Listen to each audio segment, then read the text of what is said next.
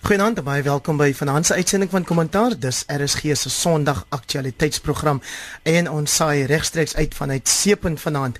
My paneel bestaan uit professor Erwin Swela, hy's van die Skool vir, vir Publieke Leierskap aan die Universiteit Stellenbosch. Hallo Erwin.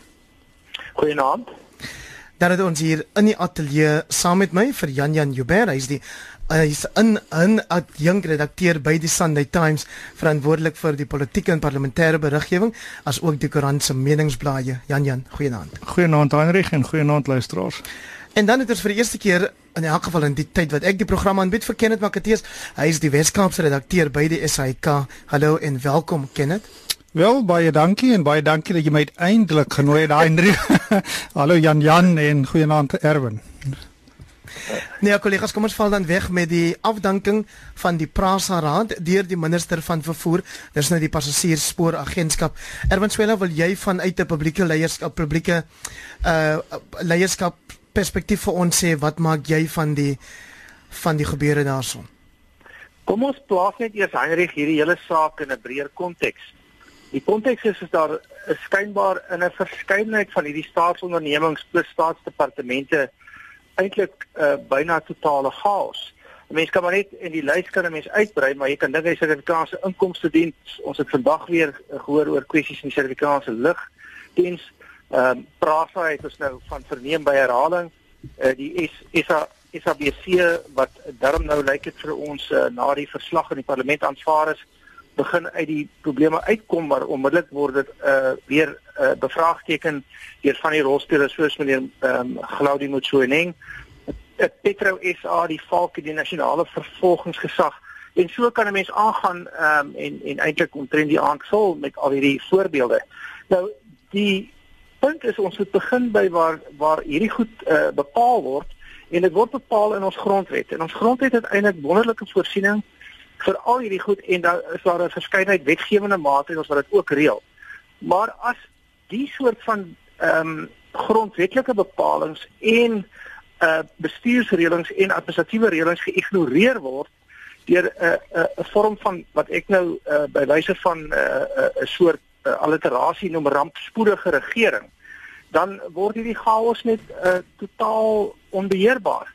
En dit het te maak met die feit dat dit skynbaar nou ook meer en meer blyk dat uh daar's wetgewing, daar's hofsaake, daar's allerlei oorsigmaatreëls, maar dit lyk asof hierdie mense hulle net aan aan niks steur nie.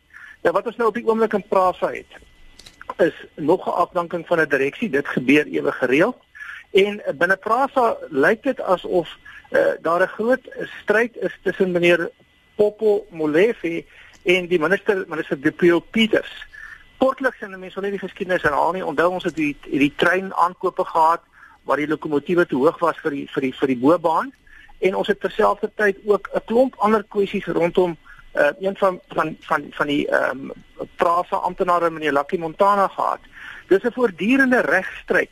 Die patroon is politieke inmenging, korrupsie, swak korporatiewe bestuur en uiteindelik hang dit saam met 'n rampspoedige regering. Wat hier nodig is is dat iemand en nou die publieke leierskapsoogpunt. Uh iemand moet gewoon begin om beheer te neem uh, die krisisse wat hier ontstaan stadig maar seker maar deurdag en op 'n toepaslike toewydingswyse te hanteer. Te sê hier is groot probleme, dit rustig uit te sorteer. Dit is eintlik ondenkbaar dat 'n mens soveel maatreëls het vir korporatiewe bestuur maar dit word nie nagekom nie. Uh, so stadig maar seker sal ons hierdie ding moet omdraai of dit gaan ons in 'n totale chaos dompel. Ehm um, ek hoop nou maar net dat dat dat ja, uh, een of ander vorm van 'n regeringsverandering of 'n leierskapsverandering iets hieraan gaan doen, maar op die oomblik wat ons hier het is is rampspoedige regering. Janie Joubert, jy's daar by die parlement, wat is jou indrukke van wat aan die gebeur is daar by die ehm um, daar by die ehm um, by die by Prasa. Ja, by Prasa. Ekskuus dat ek nou nie by die van Erwin ons vertel van al die moeilikheid wat hier gang is en nou sukkel ek om by die een se naam uit te kom. Nee, die belangrikste ding is ehm um, maar dat die minister het ehm um, besluit om die direksie af te dank nadat hulle besluit het om 'n meneer Letswalo wat na meneer Montana die hoof van Prasa geword het af te dank want hy het vir homself 'n enorme um vergoedings uh, verbetering 'n salarisverhoging beding heeltemal verkeerdelik en toe Popo Molefe hulle heeltemal die regte ding gedoen. Nou interessant is die Letswalo um kom van um die Pau Pieters af in die eerste plek. Sy het hom so toe gestuur en hulle het hom toe teruggestuur vir haar en sy toe haar um wel amper sê ek nou 'n verkeerde ding, maar sy het kwaad geword en toe danksy die hele lot af. Um wat Erwin na verwys in kort is eintlik dat kaderontplooiing en die feit dat mense politieke aanstellings maak waar jy eintlik mense moet hê wat weet wat hulle doen, wat vaardig is. Dit is dis die probleem, dis die probleem by SASSA, ehm um, dis die probleem by al hierdie dinge is dat uh, mense word aangestel. Ek kyk na die SAL raad. Daar's sover ek weet niemand met lugvaartervaring daar nie. Die artikel 9 instellings en die um staatsbeheerde ondernemings het plekke geword vir ANC mense om hulle vriende te gaan plaas en dit het rampspoedige gevolge. Kenneth Makateus Janja het gesê deel van die probleem is kaderontplooiing. Popo Molefe self is 'n ANC veteraan wat nou skynbaar bots met 'n ANC minister. Ja. Wat sê jy? Jy weet, uh, ek laat nou net byvoeg Jan Jan dat uh, ek dink hier is net die minister was uh, teenoor Popo Molefe nie. Ek dink dat die portefeulje komitee sulks het daarby het met daar saamgestem want Prasa se raad is 'n absolute chaos. Uh daar is faksiegevegte wat oor 'n baie lang tyd plaasgevind het en ek dink die die die bedanking of die of die afdanking van die raad het het buiten plaas gevind gedurende die verhoor voor die voor die portefeulje komitee. So ek dink nie dis net 'n uh, jy weet die minister wat besluit het ek dink sy deel wat ondersteuning gekry uh, wel uh, in die portefeulje komitee self ook. Nou ook okay, ek dink nie dit is slegs die die onlangse gebeure met die waarnemende hoof van en sy salaris het aangepas het. Ek dink die die probleme by Prasa kom oor 'n baie lang tydperk en uh, uh dit vir my wat nog verbasend is dat die raad dit oor so lank tyd kon duld en dat van daar nie meer probleme na vore gekom het on, onder die bestuur van meneer Molefe byvoorbeeld nie. Wel kyk, goed toegegee. Um daar's twee probleme hier dink ek. Die een is 'n vaardigheidstekort oor die algemeen. Maar die tweede is darm ook en dit is waar ek dink my kollega Mzilikazi wa Afrika regte goeie werk gedoen het vandag. Um hier's 'n slange in die gras. Um daar's daar's te veel mense betrokke by hierdie prasa ding wat nie daarbey betrokke behoort te wees nie. Ek dink wat jy kry, ek stem saam met jou Kenneth. Um die prasa raad het nie goed gefunksioneer nie. En hoekom hulle nou af dan as, as ons dan praat oor tydsberekening, is dit nie maar dat hierdie meneer Let Swallow nou die volgende persoon is in wie daar 'n byna onbehoorlike belegging is van die kant van die politici nie. Ja. Kyk die uh, meneer Molefe sê natuurlik ook dat die minister moet moet redes verskaf en uh, hoekom uh, die raad nou afgedank is en ek dink hoe gouer die minister dit dalk doen hoe beter dan ook vir jy weet vir deursigtigheid en ook haar redes hoekom sy besluit dat die raad kan nie meer voortgaan nie. Erwin Swela as as ek hier kan inkom Jy weet wat ons hier sien is by herhaling sien ons afdankings van hoofuitvoerende beamptes, ehm uh, waarnemende hoofuitvoerende beamptes. Ons sien afdanking van rade. Ons sien of hoor nooit van ministers wat bedank nie. Ons sien of hoor nooit van die president wat uh, sy prerogatief om ministers aan te stel ook gebruik om ministers af te dank nie. By herhaling is hier aanduidings die die die probleem ehm um, lê op verskillende vlakke. Uh, op operasionele vlak is dit doodgewoon uh uh swakkundigheid of of uh, nie behoorlike kundigheid nie. Op bestuursvlak het dit te doen met 'n uh, uh, totale ignorering van alle wette en regulasies en goeie korporatiewe regering.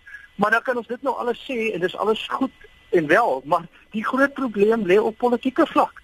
Uh die vraag is uh hierdie soort ministers uh, en ons gaan dalk nog verder praat oor die SASSA debakel. Uh ehm um, minister Peters oor baie baie maande en jare waar daar klomp probleme is. Uh een of ander tyd moet iemand die moed van hulle oortuiging hê om te bedank of afgedank te word. Ehm um, en ons moet die politieke kant. Uh, hier is ook 'n 'n uitvoerende politieke probleem met ernstige ehm um, kom ons sê gebrek aan optrede in situasies wat absoluut deurspek is met probleme en en korrupsie en oneffektiwiteit. Jan Jan Joubert, die minister is gewoonlik die politieke hoof of die die aandeelhouer in hierdie maatskappye, staatsbeheerde maatskappye en dit lyk my dit is 'n bydraende faktor tot die probleme wat jy daar vind. Wel ek dink um ek gaan met Kenneth saamstem met wat hy vroeër gesê het.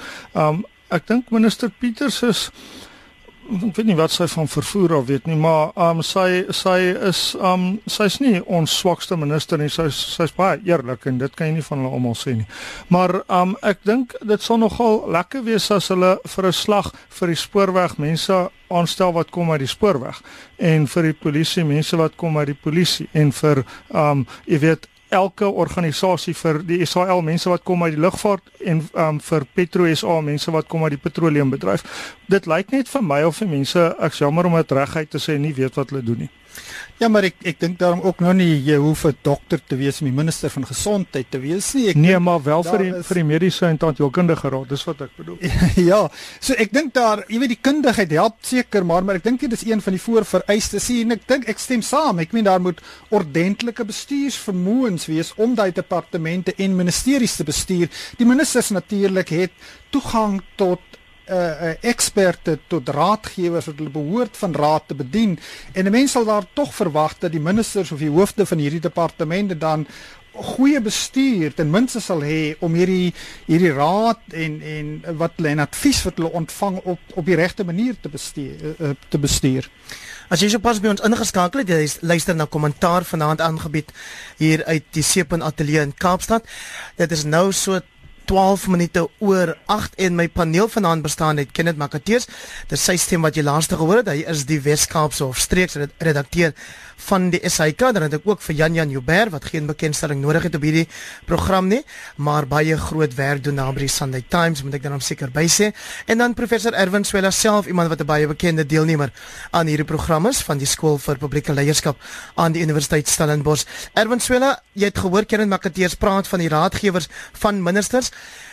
'n minister wat wel lyk like my raad gebruik, maar nie noodwendig is so 'n raad wat ons sou wil hê sy moet moet gebruik nie, is Batabile Dlamini, die minister van maatskaplike ontwikkeling en dit oor die voortgesette krisis met SASSA en die uitbetaling van maatskaplike toelaas.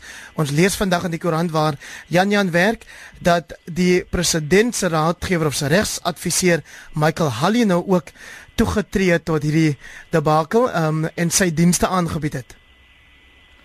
Wel, die punt is hier met al hierdie probleme in die verskillende staatsondernemings en staatsdepartemente word dit eintlik baie moeilik om gefokus na hierdie goed te kyk en is daar gedurig nuwe toetreders tot hierdie uh uh dispute en probleme en weer eens mense moet op 'n stadium die spel stadiger maak dinge professioneel begin doen van die probleme uitsorteer en so stadig maar seker dan by 'n kern uh, van miskien die ernstigste spoor bly. Uh behalwe dat uh, uh Miali nou toetree en die presidentsie natuurlik betrokke moet wees en die president ons voortdurend verseker en dit is uh, in prinsipie goed dat dat die uitbetaling sal plaasvind. Ehm uh, is dit nou ook sodat die Freedom Under Law groep uh hulle self al uh, tot hierdie proses toe, toegevoeg het.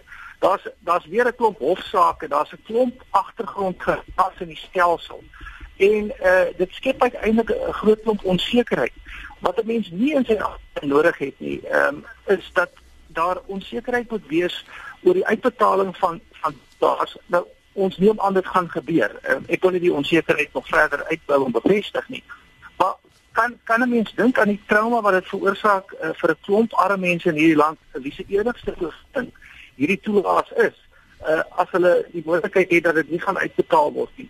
Dit het die moontlikheid om om as dit nie sou gebeur nie en ons nie gaan maar selfs nou al 'n klomp spanning in ons stelsel te skep.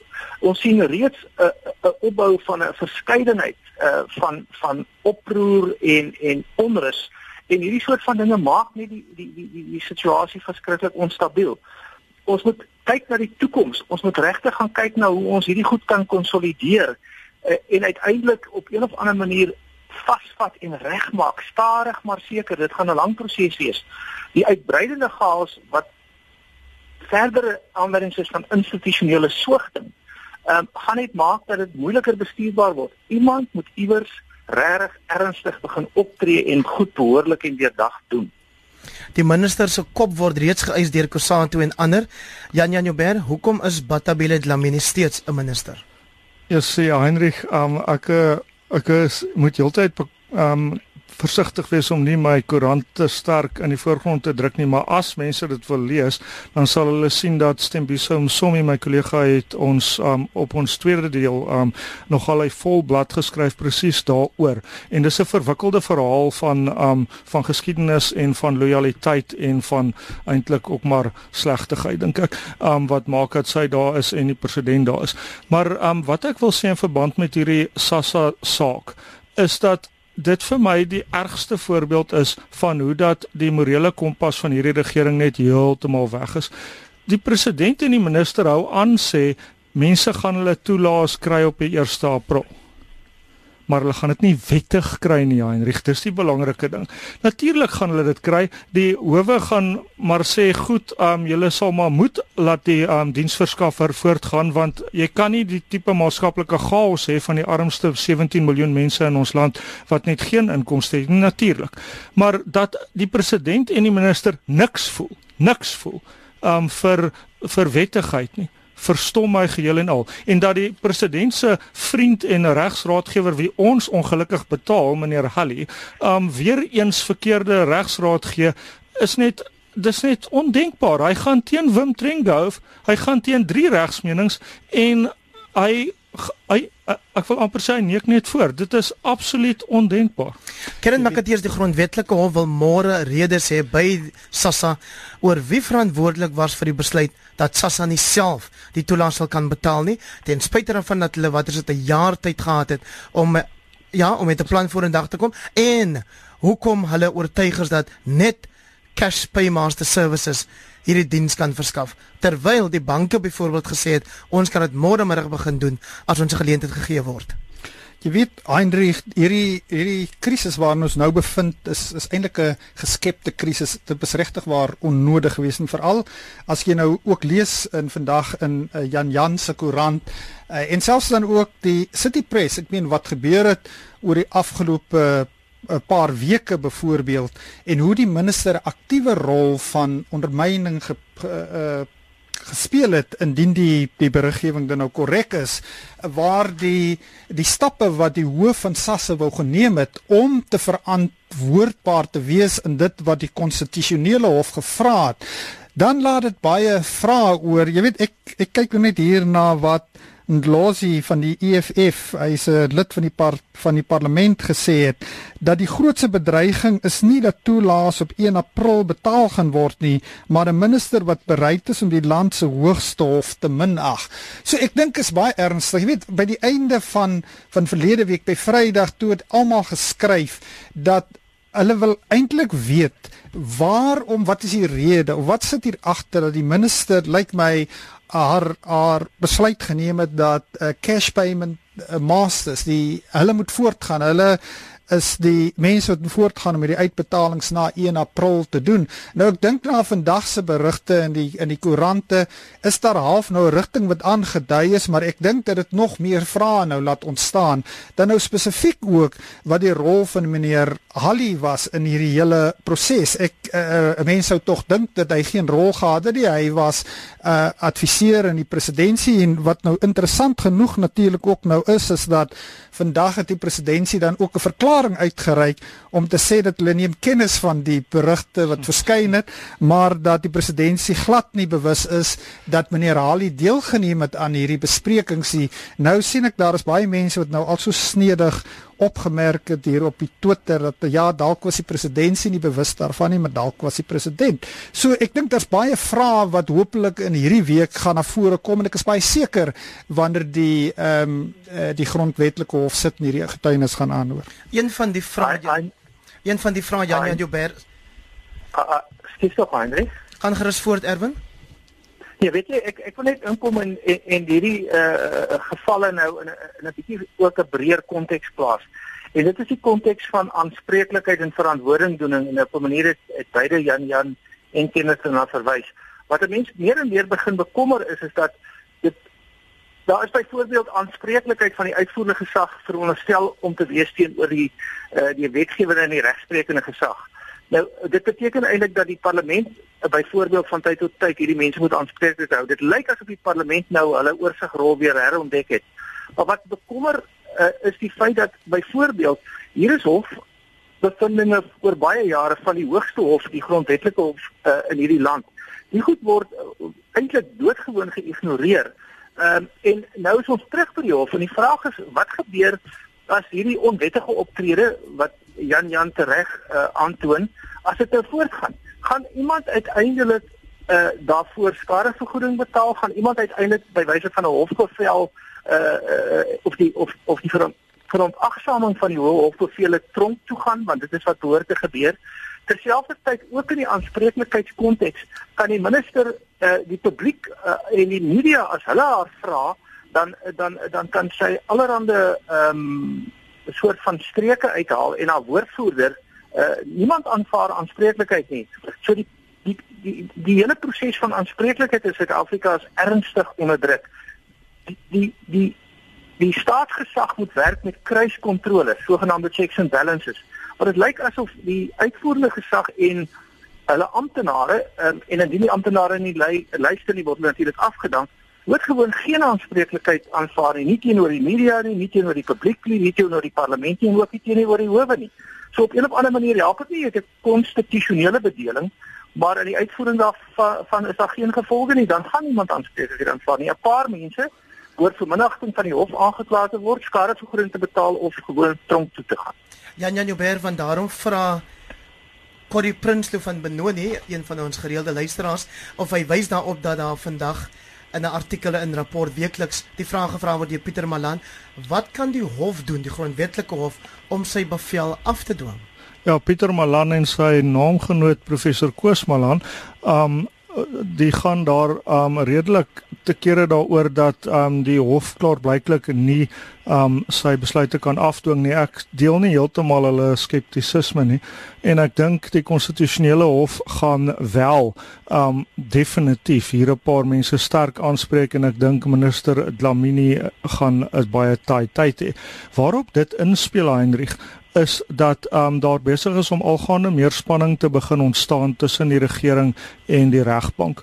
Ons het gesien in die beleidsdokumente van die ANC wat nou besig is om so stadig aan te begin deurkom dat ehm um, daar's daar's 'n half mal beleidsdokument wat sê ehm um, daar's een of ander komplot teen die ANC regering wat die media die oppositiepartye, buitelandse regerings, die regbank en dan nog verder um lys um insluit. Dit klink omtrent soos meneer John Foster in 1977 verkiesing. Almal is teen my o wêreld. Wonder hoekom. Maar in elk geval, um die um ANC regering is besig om om sy slagorders op te stel teen die regbank. Gelukkig het ons regters wat werklik waar hulle sout werd is en wat nie hierdie nonsens gaan vat nie. Ons sien dat die um, president aangekondig het dat hy die drie uh, baie uitstekende advokate wat op hierdie stadium dien in die regtelike dienskommissie onder wie iemand soos advokaat Dumisan Sebeza wat nou werklik waar nie 'n regse persoon is nie, um gaan hy nou vervang klaar blyklik met mense wat hom meer ehm um, ter wille is. Nou hierdie is 'n gevaarlike spel wat die regering speel en ek dink nie die howe gaan gaan dit van hulle vat nie en ek dink op die ou end gaan dit hulle baie baie suur bekom. Ken dit maar dit is jou reaksie op hierdie verwikkelinge. Jy's ook daar uh, baie naby aan wat gebeur in die ANC caucus by die parlement. Is is dit 'n nuwe 'n nuwe wind wat waai? Jy weet ek weet nou nie of daar 'n groot skaalse beweging is in die in die ANC om om verdag maak teen die teen die regbankie. Jy weet eh uh, meneer Gwede Montage, die sekretaris-generaal het op 'n vorige geleentheid al gesê dat die die Kaapse regbank is ek weet nie of eh, of dit regs, hulle is heel regs want hulle verloor al die sake byvoorbeeld hier. So ek dink oor tyd was daar al verskeie menings gewees wat gekom het uit die ANC oor van die regters. Ek dink persoonlik nie dis baie maklik om die die eh uh, die regbank in 'n oogwink probeer in 'n klomp en ek dink die uh uh papperts te te verander nie. Ek dink die regters kyk byvoorbeeld wat met die hoofregter gebeur, 'n klomp vrae wat oor hom ontstaan, sy toe ehm uh, toe regter Dikgang Moseneke byvoorbeeld oorgesien is en regter Mogoeng Mogoeng gekies was uh, tot die hoof van die grondwet of en hoe mense nou met bewondering en sovoorts van hom praat. So ja, dit is daar en ek dink ook is 'n nuwe ding nie. Ek dink die regsbank en ek dink dit sal heel waarskynlik voortgaan. Ek dink dat die uh, uh, wanneer die regbank nie uitsprake lewer wat sekere mense aanstaan, ek dink ek gaan hulle baie krities wees daaroor. Ek dink die dae van uh, president Mandela wat hy in grootmoedigheid gegaan het, jy weet, voor die hof uh, gaan getuig het om die geloof in die grondwetlike hof en die hofstelsel te verbou is heel waarskynlik verby. Ek dink jy daar's onnodige bekommernis daaroor, soos ek sê, ek dink die die kritiek teenoor die regbank sal heel waarskynlik voortgaan. En wat ook nou besig is om te gebeur, en ek dink dit is waar die krapperigheid en die ongemak van die uitvoerende gesag uh um na die regbank geslinger word, is die feit dat die mense hulle na die howe toe wend. Die parlement wat byvoorbeeld nie ordentlik hulle se oorsigrol of dit wat hulle moet doen doen nie, dan gaan die mense na die howe toe en ek dink selfs in die howe is daar 'n ongemak half met gevalle wat hulle voel moes in die politiek of in die parlement of op op 'n ander terrein moes opgelos word, moet die moet die regters dan oor beslis. So en ek dink terwyl jy hierdie een deel het van die gesag in hierdie land wat wat nie funksioneer op die vlak wat dit behoort te funksioneer nie, gaan jy heel waarskynlik nog steeds meer van hierdie krapperigheid en ongemak uh uh plaasvind dat goed soos soos dit aktivistiese regters byvoorbeeld nodig op die regbank geen mens weet wat wat wat hulle eintlik daarmee bedoel nie, maar ek dink is omdat mense ongemaklik is met die uitsprake wat die regbank gemaak word. Ek dink een goeie aktivistiese uitspraak het gekom um en dis rapport se hoofberig hierdie um Sondag um van die Oos-Kaapse Hooggeregshof in Graamsstad baie belangrike uitspraak um die Oos-Kaapse Landbou Unie het 'n saak gebring voor die hof daar um want die boere daarso soos op baie ander plekke in swakker funksionerende provinsies um het beginne om self die paaie in stand te hou grondpaaie um veral. En um die hof het bepaal dat die departement van vervoer in die Oos-Kaap het sy plig versaak en is nou finansiëel aanspreeklik vir daardie bedrag wat uitgegee is deur die boere. Nou dit is baie baie belangrik want um dit is die tipe ding waarmee Afriforum homself besig hou maar wat nog nie regtig in die hof was nie. Maar wat ek dink Heinrich wat die wat die belangrike um politieke punt hier is is dis nou die tipe ding wat beslis die regering goed die hoenders in gaan maak vir die regbank.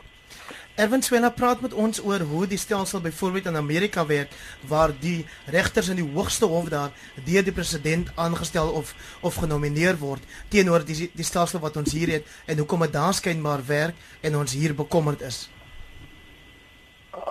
Eindige in my verskoning um, en ook aan die luisteraars maar ek het ek ek kon byna nou nie jou jou vraag hoor nie. Ek het aanvanklik gehoor dat jy vra oor oor die stelsel in Amerika.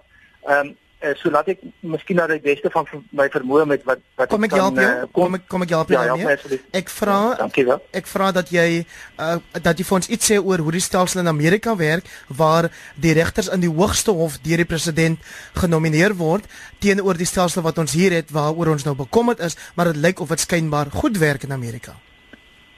Nou kom ons begin net gou-gou voordat ons na die Amerikaanse stelsel gaan na die sertifikasiestelsel. Die grondwet bepaal dat daar 'n regterlike dienskommissie is wat uh, saamgestel word uit 'n uit 'n groep mense onder andere parlementariërs en ander mense ehm um, en wat uh, aanbeveel word deur die parlement en deur die president aangestel word. Hulle is veronderstel om onafhanklik by wyse van 'n 'n baie deursigtige proses onderhoude te voer met met kandidaate wat uh, na hulle toe verwys word ehm um, wat uh, gekwalifiseer is.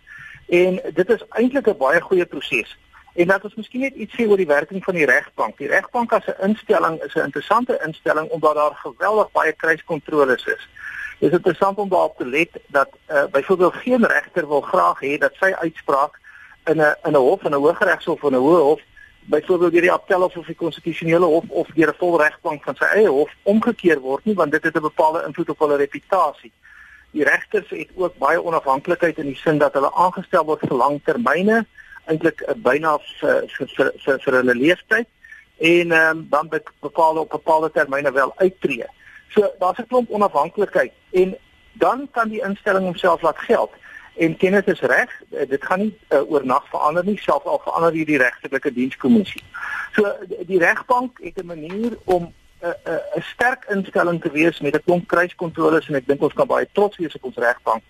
En uh, ek herinner my aan die storie um, van jare gelede waar uh, die nasionale partye 'n karperd regter aangestel het om 'n handperd te word. En toe die regter uiteindelik in die regbank sit toe begin hy ook onafhanklike uitsprake lewer en een van die ministers van justisie het vir die premier op die stadium gesê dat ons het die man aangestel en hy was taamlik onnoosel maar nou begin hy eintlik ook al 'n mening van sy eie kry. Dit was Oswald nou, Pirou daai. Die minister. Oswald Pirou was die minister. Ja, nou goed. So eh, dit, dit is maar net 'n bewys is 'n interessante staaltjie. Ehm um, moenie moenie die onafhanklike amp en die instelling onderskat nie. Wat die Amerikaanse stel betref, uh, moet ek sê as ek as ek nou nie op die 100% ingelig nie, wat ons wel weet is is dat die en miskien kan Jan Jan hier help, hy's baie keer uh, soms uh, beter op die spesifieke goed ingelees, maar as ek dit reg verstaan, dan dan gaan die president uiteindelik bepaalde regters aanstel Uh, maar daar is tog 'n uh, uh, uh, benoemings wat wat wat kom via ander liggame in die stelsel. So dis nie 'n uh, 'n uh, diskresie wat die president het om 'n uh, klomp uh, karperde as handperde te kies nie. Ehm uh, maar ek sou ek sou uh, nie op die oomblik uh, te detail kommentaar wil lewer nie want dis nie iets wat ek onlangs bekyk het nie en soos ek sê dalk Kenneth of Jan Jan, um, ek sê liewer dat ek nie weet nie as om te probeer raai oor goed wat ek nie op oomblik in ingestudeer is. Ja, die enigste verskil eintlik is dat um in albei gevalle gaan die parlement of in hulle geval dan die kongres, die senaat en um en die president 'n rol speel. So by ons speel sowel die regterlike dienskommissie as die president 'n rol en by hulle speel sowel die senaat as die president 'n rol. Maar um by ons is dit die regterlike dienskommissie wat die aanvanklike voorstel doen. So niemand wat die regterlike dienskommissie nie van hou nie, kan deur die president aangestel word nie. Die president maak die finale keuse. Maar uh by um, Amerika is dit andersom. Die president het baie meer mag omdat hy die aanvanklike voorstel maak en die senaat dan sê ja of nee. Ja. ja. Kollegas, nou ek het vir die luisteraars beloof ons praat ook vanaand oor die nuutste rondom die SAIK. Daar is nou omtrent so 8 minute oor so hou dit asseblief so kort as wat jy kan. Da vyf name is voorgestel vir 'n tussentydse SAIK raad wat 'n klomp probleme eers bietjie moet oplos voordat ons dan nou hopelik binnekort ook 'n nuwe SAIK raad gaan hê. Kan ek vir jou vra om daarmee te begin? Kenneth Makateers, jy werk weleers waar vir die SAIK, maar jy's 'n senior persoon en ek is seker jy sal ook bly wees as daar korporatiewe stabiliteit kom, is dit nie? Ja, okay, die niets is natuurlik nou dat die, soos jy nou sê dat vyf persone nou voorgestel is om op die tussentydse raad te dien. Die name wat voorgestel is en heel waarskynlik goedgekeur gaan word deur die nasionale vergadering is is baie ger, jy weet gerespekteerde individue in die Suid-Afrikaanse samelewing en ek is baie seker dat hulle baie goeie rol sal speel. Ongelukkig is dit slegs vir 6 maande en dan daarna word die raad natuurlik nou aange aangewys deur die parlement wat dan nou uh, natuurlik aangestel gaan word aan die einde deur die president op aanbeveling uh van die parlement.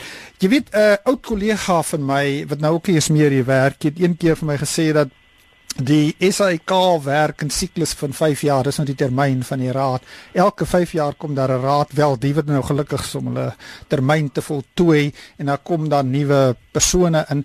Ek hoop dat die wat wat ons nou gesien het hierdie afgelope paar maande gebeur het die mense wat hierdie besluite neem dan nou vanaf die portefeulje komitee tot regdeur laat besef dat die mense wat aangestel raak moet regtig waar mense wees van uitstaande karakter. Mense wat die belange die openbare uh, uh, uitsaaiers se belange kan beskerm in belang van die burgers van hierdie land. Ek dink dit is wat 'n raad veronderstel is om te doen. Ek dink die raad is daar om net die daaglikse dinge te sien en hoe die uh, organisasie bedryf en bestuur raak nie. Hulle moet letterlik die belange in die organisasie as sulks beskerm.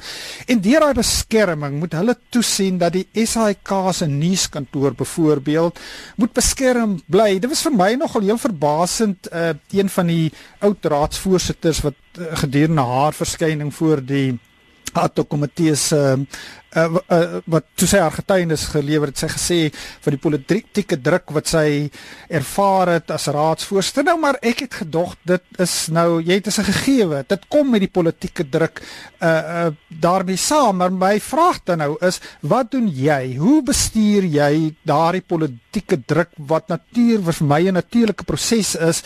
Daarmee saamkom as jy nou raadslid is en 'n raadsvoorsitter is. Hoe beskerm jy die die werknemers en die nuuskantoor van die SAIK dat hulle hulle beste kan lewer en op 'n professionele vlak kan funksioneer? En dit is vir my die belangrike punt wat die raad is, maar ek sou sê uh, voorspoed vir hierdie nuwe intussentydse raad en soos jy nou sê, ek dink daar's 'n lang lys wat vir hulle op hulle lesnare wag sodra hulle begin. Um, ja, Jan Jan Joubert ja Erna Bosman het op Facebook gevra dat ek jou tog baie tyd moet gee om te praat vanaand. Jy laat dit ons nou net so omtrent 4 minute. Ja, gaan... Maar die groot vraag is hoe daai nuwe raad, die nuwe permanente raad dan nou weer saamgestel geword en gaan ons nie dan weer terug op die ou gewoonte van om kaderontplooiing en daai soort foute te maak. Heinrich, dis presies wat ek wil sê en ek gaan jou bly maak deur baie baie kort te praat nou en dit jammer Erna. Maar um dit die eerste ding is hierdie is regtig net 6 maande en ek dink is baie oulike interim raad en hopelik gaan hulle minder van ons geld mors en um, minder polities um vir die regering wees en net 'n bietjie meer onafhanklik. Onthou dis nie 'n staatsuitsaaier nie, dis 'n openbare uitsaaier. Maar die soos jy reg sê Heinrich, um die vraag kom wanneer ons weer 'n 5 jaar raad kry, 'n volle raad kry en ek's bevrees dan gaan ons presies dieselfde ding hê. Die ANC gaan weer al sy maatjies daar sit. Ek hoop dat hulle hierdie keer meer kundige mense daar sit, maar kan hulle nie sien dat dit beter is om balans te hê nie. En die verandering wat Erwin van gepraat het vroeër in hierdie program, die verandering moet deur die kiezer gemaak word. So 2019 is wanneer die kiesers moet besluit of hulle tevrede is of nie, registreer en stem. Erwin Swela, Joan Lam, ja, Lombard, Joan Lombard sê op Facebook, daar's 'n pyppaneel, so dit sluit jou en Kenneth ook in en dan sê Wynand Dreyer Kenneth, dit is baie lekker om jou ook op die program te hoor vanaand. Kom ek vra dan nou vir jou Erwin Swela om vir ons 'n minuut te sê wat jy dink van die voorstel van hierdie ad hoc komitee dat daar beslis teen minister Fait Mutambi opgetree behoort te word. Wel, dit kan eintlik nie anders nie as 'n mens kyk na wat die bevindinge was van die van die uh, parlementêre uh komitee plus uh, dat die parlement dit nou aanvaar het. Uh, uh wat die wat die raad betref, lyk dit na die of die interim raad goeie mense is. Um, en 'n mens wil nou ook hoop dat aangesien hierdie verslag nou plaasgevind het en binne die konteks van die parlement wat sy oorsigrol hier raad geld het, dat dit eintlik nou 'n verandering kan bring. Uh, niemand behoort nou in die toekoms te kan sê dat hulle nie geweet het hoe mense hierdie goed behoort te regeer en bestuur nie. Hulle sal moontlik kan sê dat hulle vergeet het.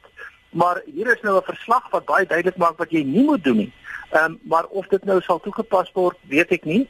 Wat wel jammer is is dat die komitee nie 'n sterk aanbeveling gemaak het uh om om om te sê dat die minister uit die poort afgedank te word nie. Dink jy dit sou enige verskil dink jy dit sou enige verskil gemaak het? Nou, dit sou dit sou ten minste verskil gemaak het aan die feit dat dit gesê is. Ehm um, en gesê. en dit is nog steeds die president se prerogatief. Die die, die president uh, sou waarskynlik uh, ondanks uh, so 'n aanbeveling dit nie gedoen het nie.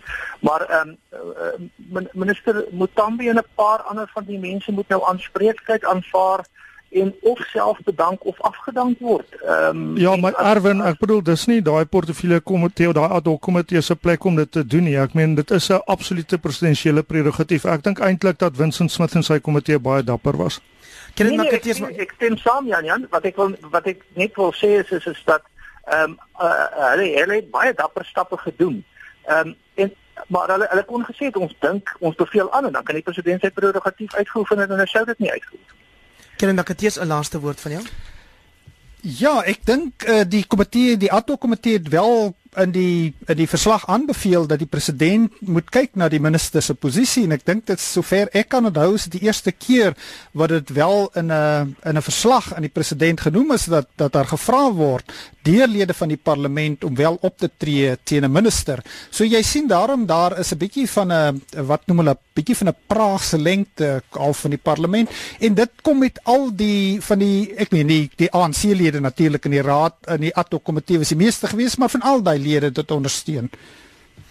Nou maar baie dankie. Dit was die stem gewees van Kenneth Makateus. Hy is die streeksredakteur hier in die Weskaap by die SAIK en hy was vanaand deel van ons paneel hier op kommentaar saam met professor Erwin Swela van die skool vir publieke leierskap aan die Universiteit Stellenbosch. Baie dankie Erwin vir jou deelname en Kenneth vir joune ook.